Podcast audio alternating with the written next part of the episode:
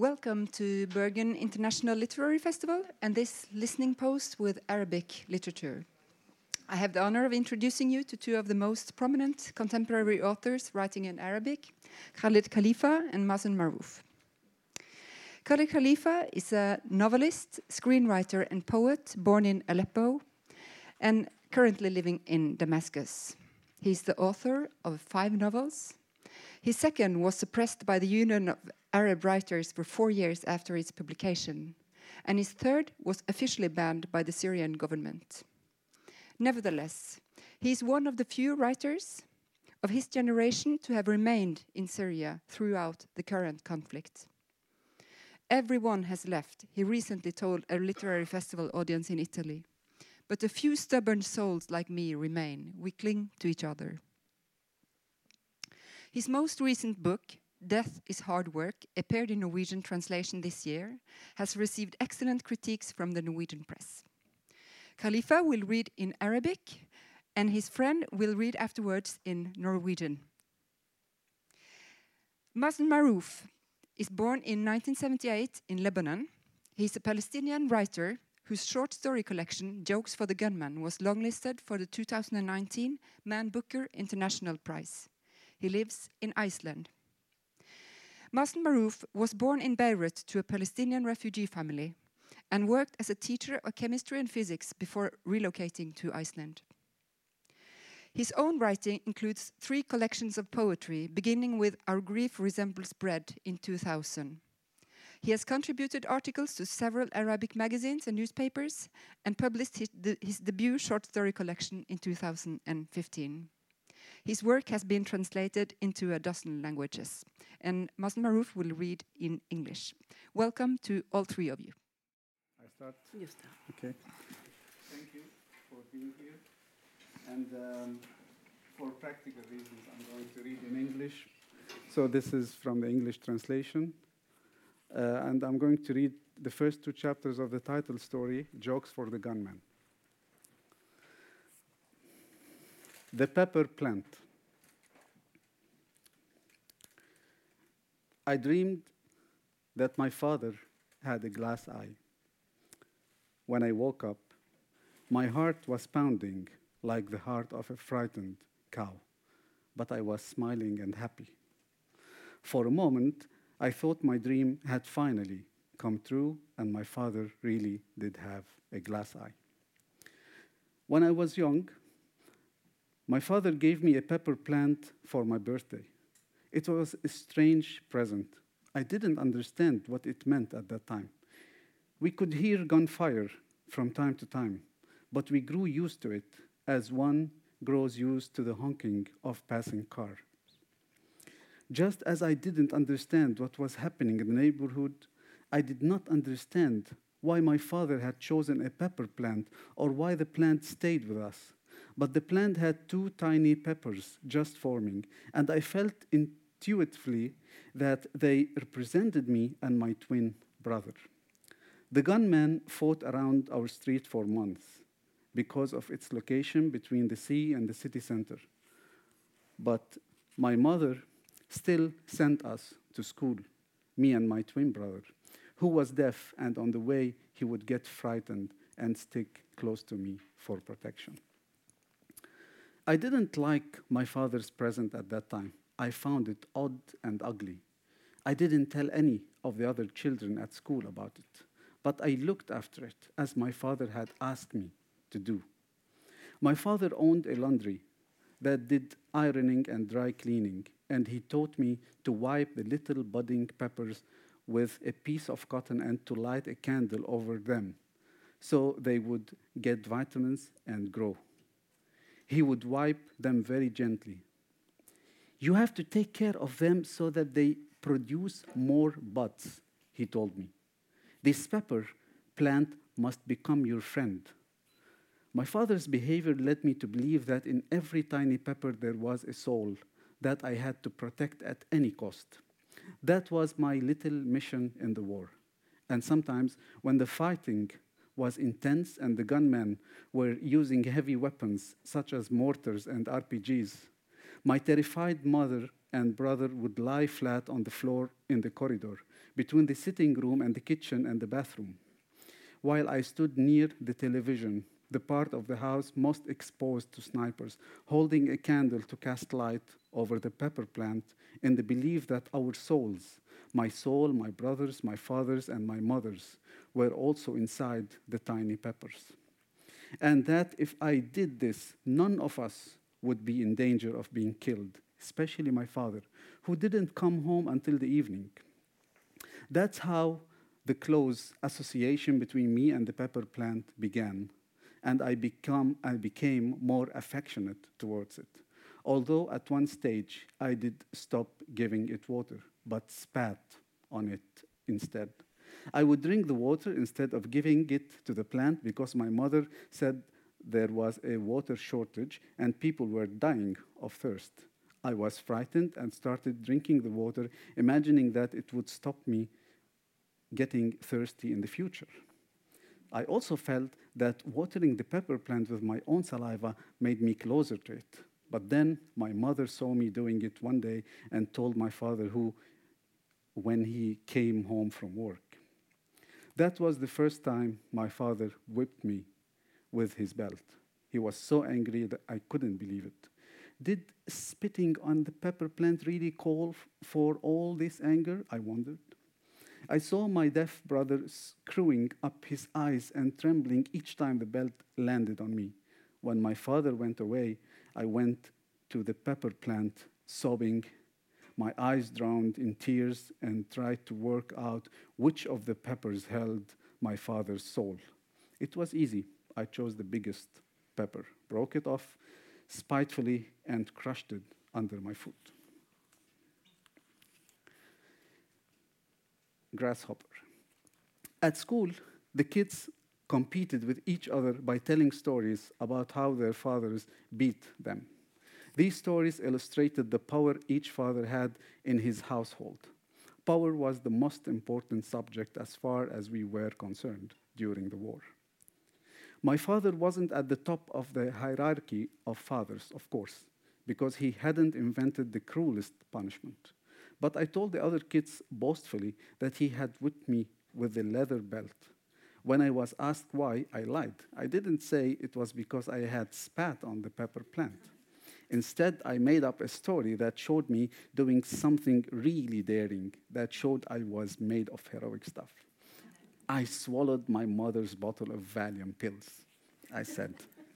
and my father whipped me till I threw up the pills all in one go. Some days after I told my heroic story, a friend of mine came up to me and told me he had seen my father being beaten up in the street.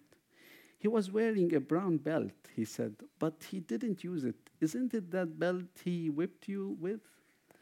Yes, I replied with a nod because my father only had one brown belt. My friend who saw the whole scene described it to me as if it were happening in a peep show he was watching. When my father came home, I noticed that the marks on his face were not scalds from the steam of the laundry. In order to find out how painful they were, I prodded the largest mark on his face with my finger.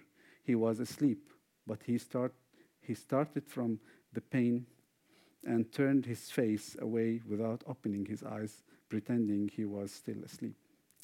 It was then that I realized that my father's soul had left the pepper plant forever.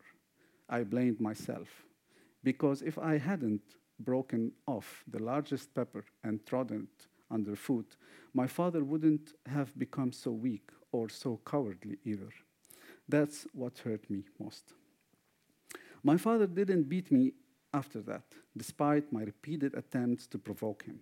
I spat on the pepper plant several times in front of him, but he didn't react at all, no matter how big the glob of spit was or how noisily I did it. My father stopped speaking to me so often. He started spending most of his time in the bathroom, sitting on the edge of the bathtub, I would snoop on him through the keyhole, and he looked absent minded. He even started drooling at the mouth without realizing it. From behind the door, like a friend offering him an advice as they fished, sitting side by side by the sea, I whispered through gritted teeth, Don't cry, don't cry. And my father never did cry, which convinced me that he hadn't completely lost his grip. Thank you.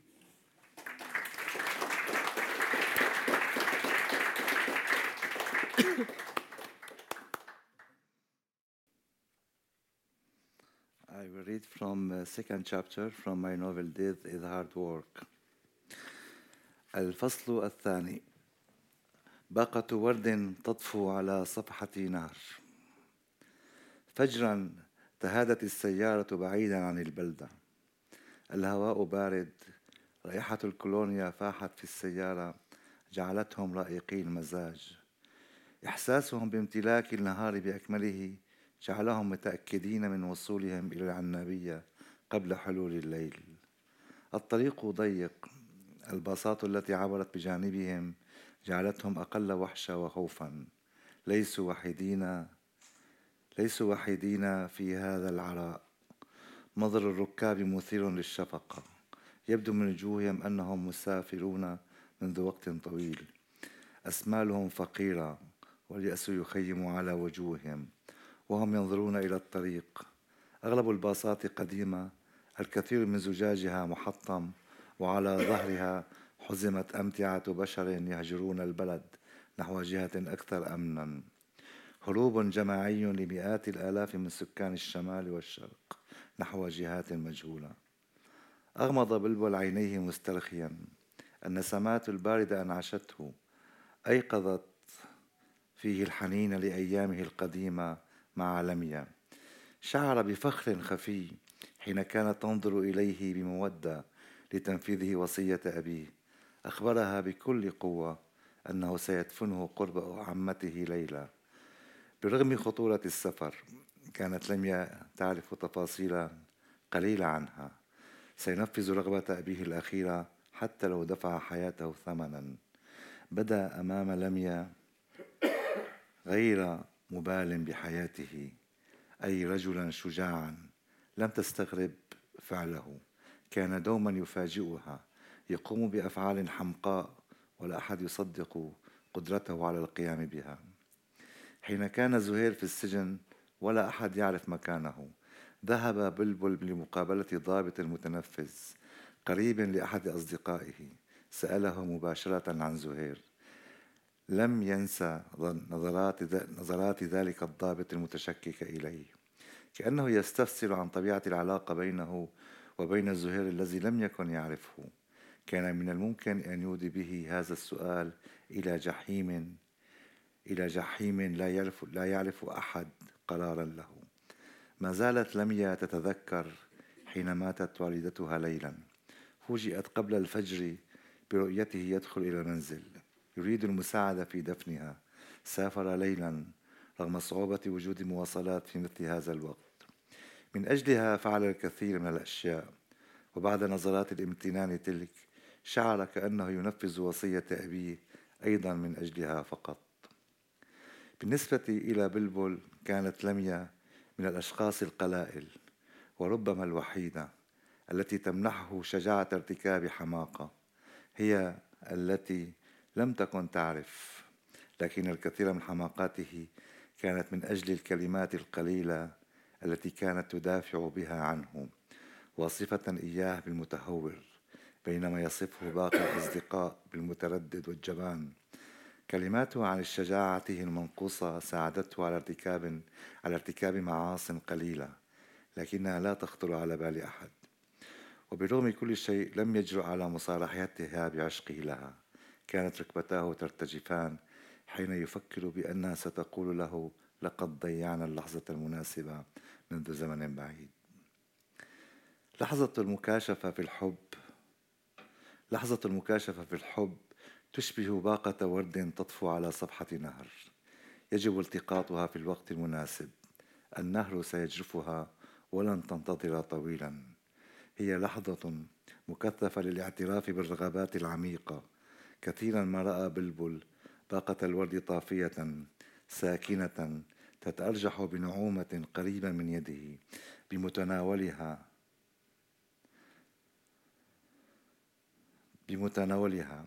تكون لميا هناك. تنتظر أن يقول أي شيء خاصة بعد عودتها من العطل الطويلة لكنه يبقى صامتا كعادته أو يقترح الذهاب للسير في شوارع باب توما.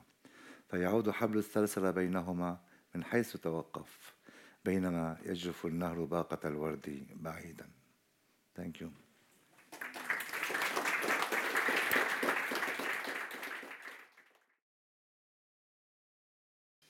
Dette kapitlet heter 'En blomsterbukett flyter nedover elven'. Tidlig om morgenen trillet minibussen ut av landsbyen. Det var kaldt i luften, og lukten av parfyme innbød til en, ord, til en avslappet stemning. De hadde hele dagen foran seg, og de følte seg trygge på at de skulle nå frem til landsbyen før det ble kveld. Veien var smal, men de store bussene som kjørte forbi dem, var med på å gjøre turen litt mindre skummel. De var ikke alene.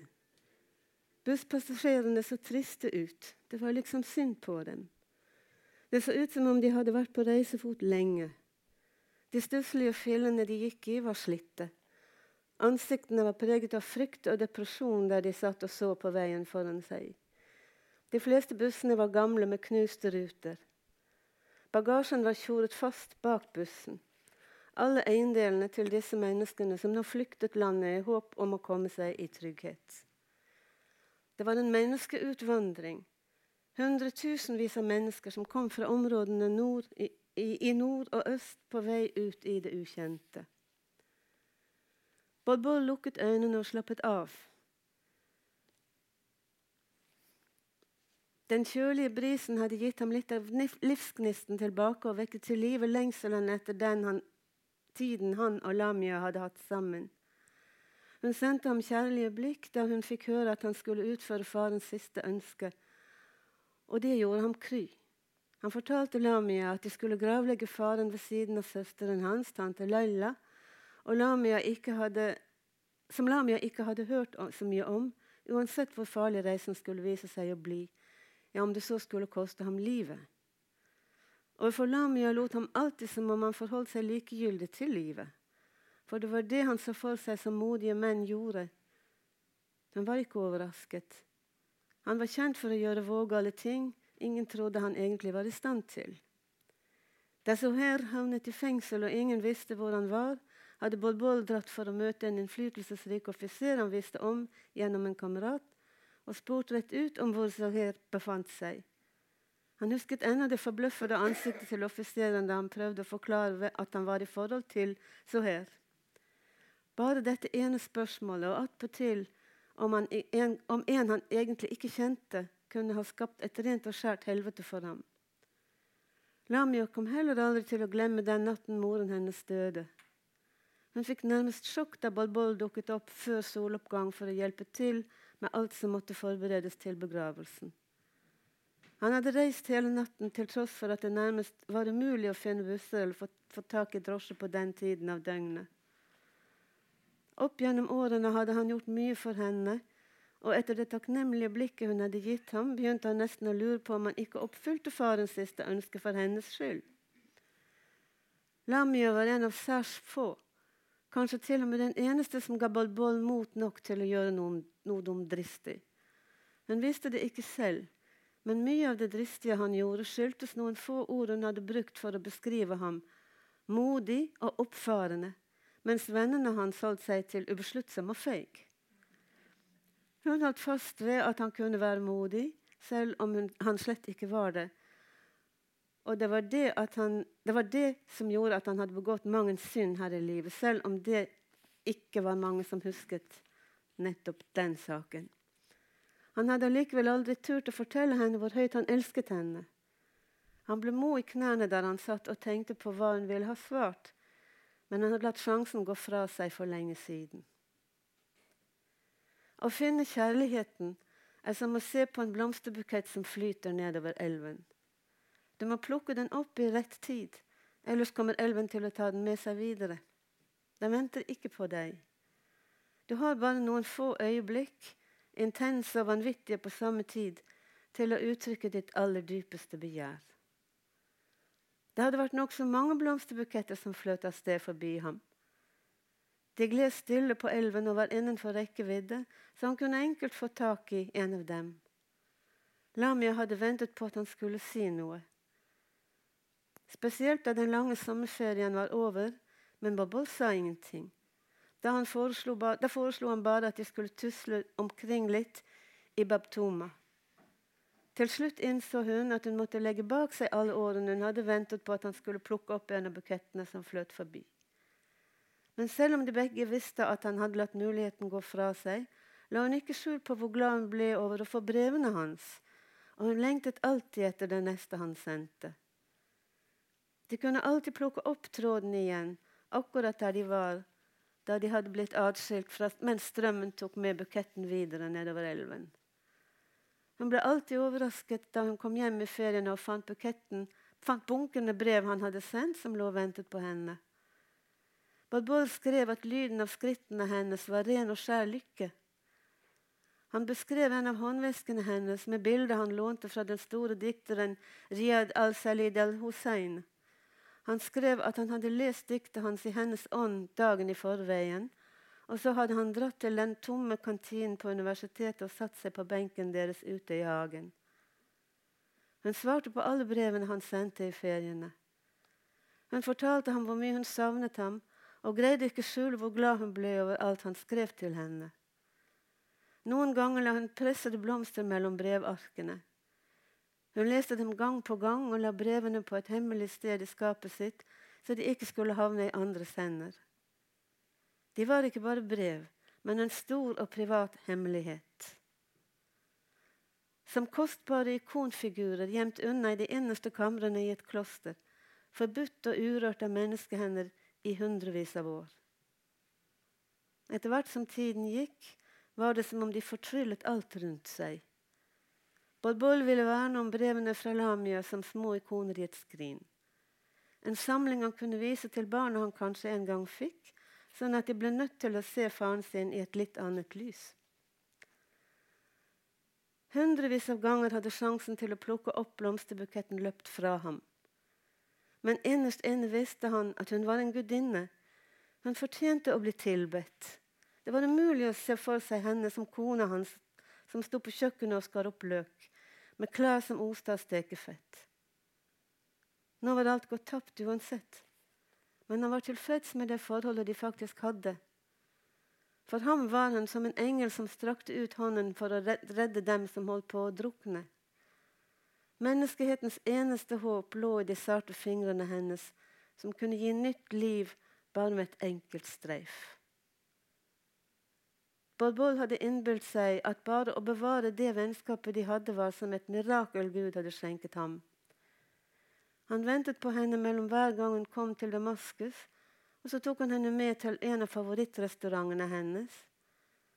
Noen ganger tok han henne med vilje med til steder som hadde hatt en eller annen spesiell betydning for dem tidligere, og da fikk han alltid lyst til å gripe etter hånden hennes. Hun svarte bestandig med å være snill, ja høflig, men stillheten som fulgte, understreket alltid at fortiden var noe de måtte legge bak seg. Thank you.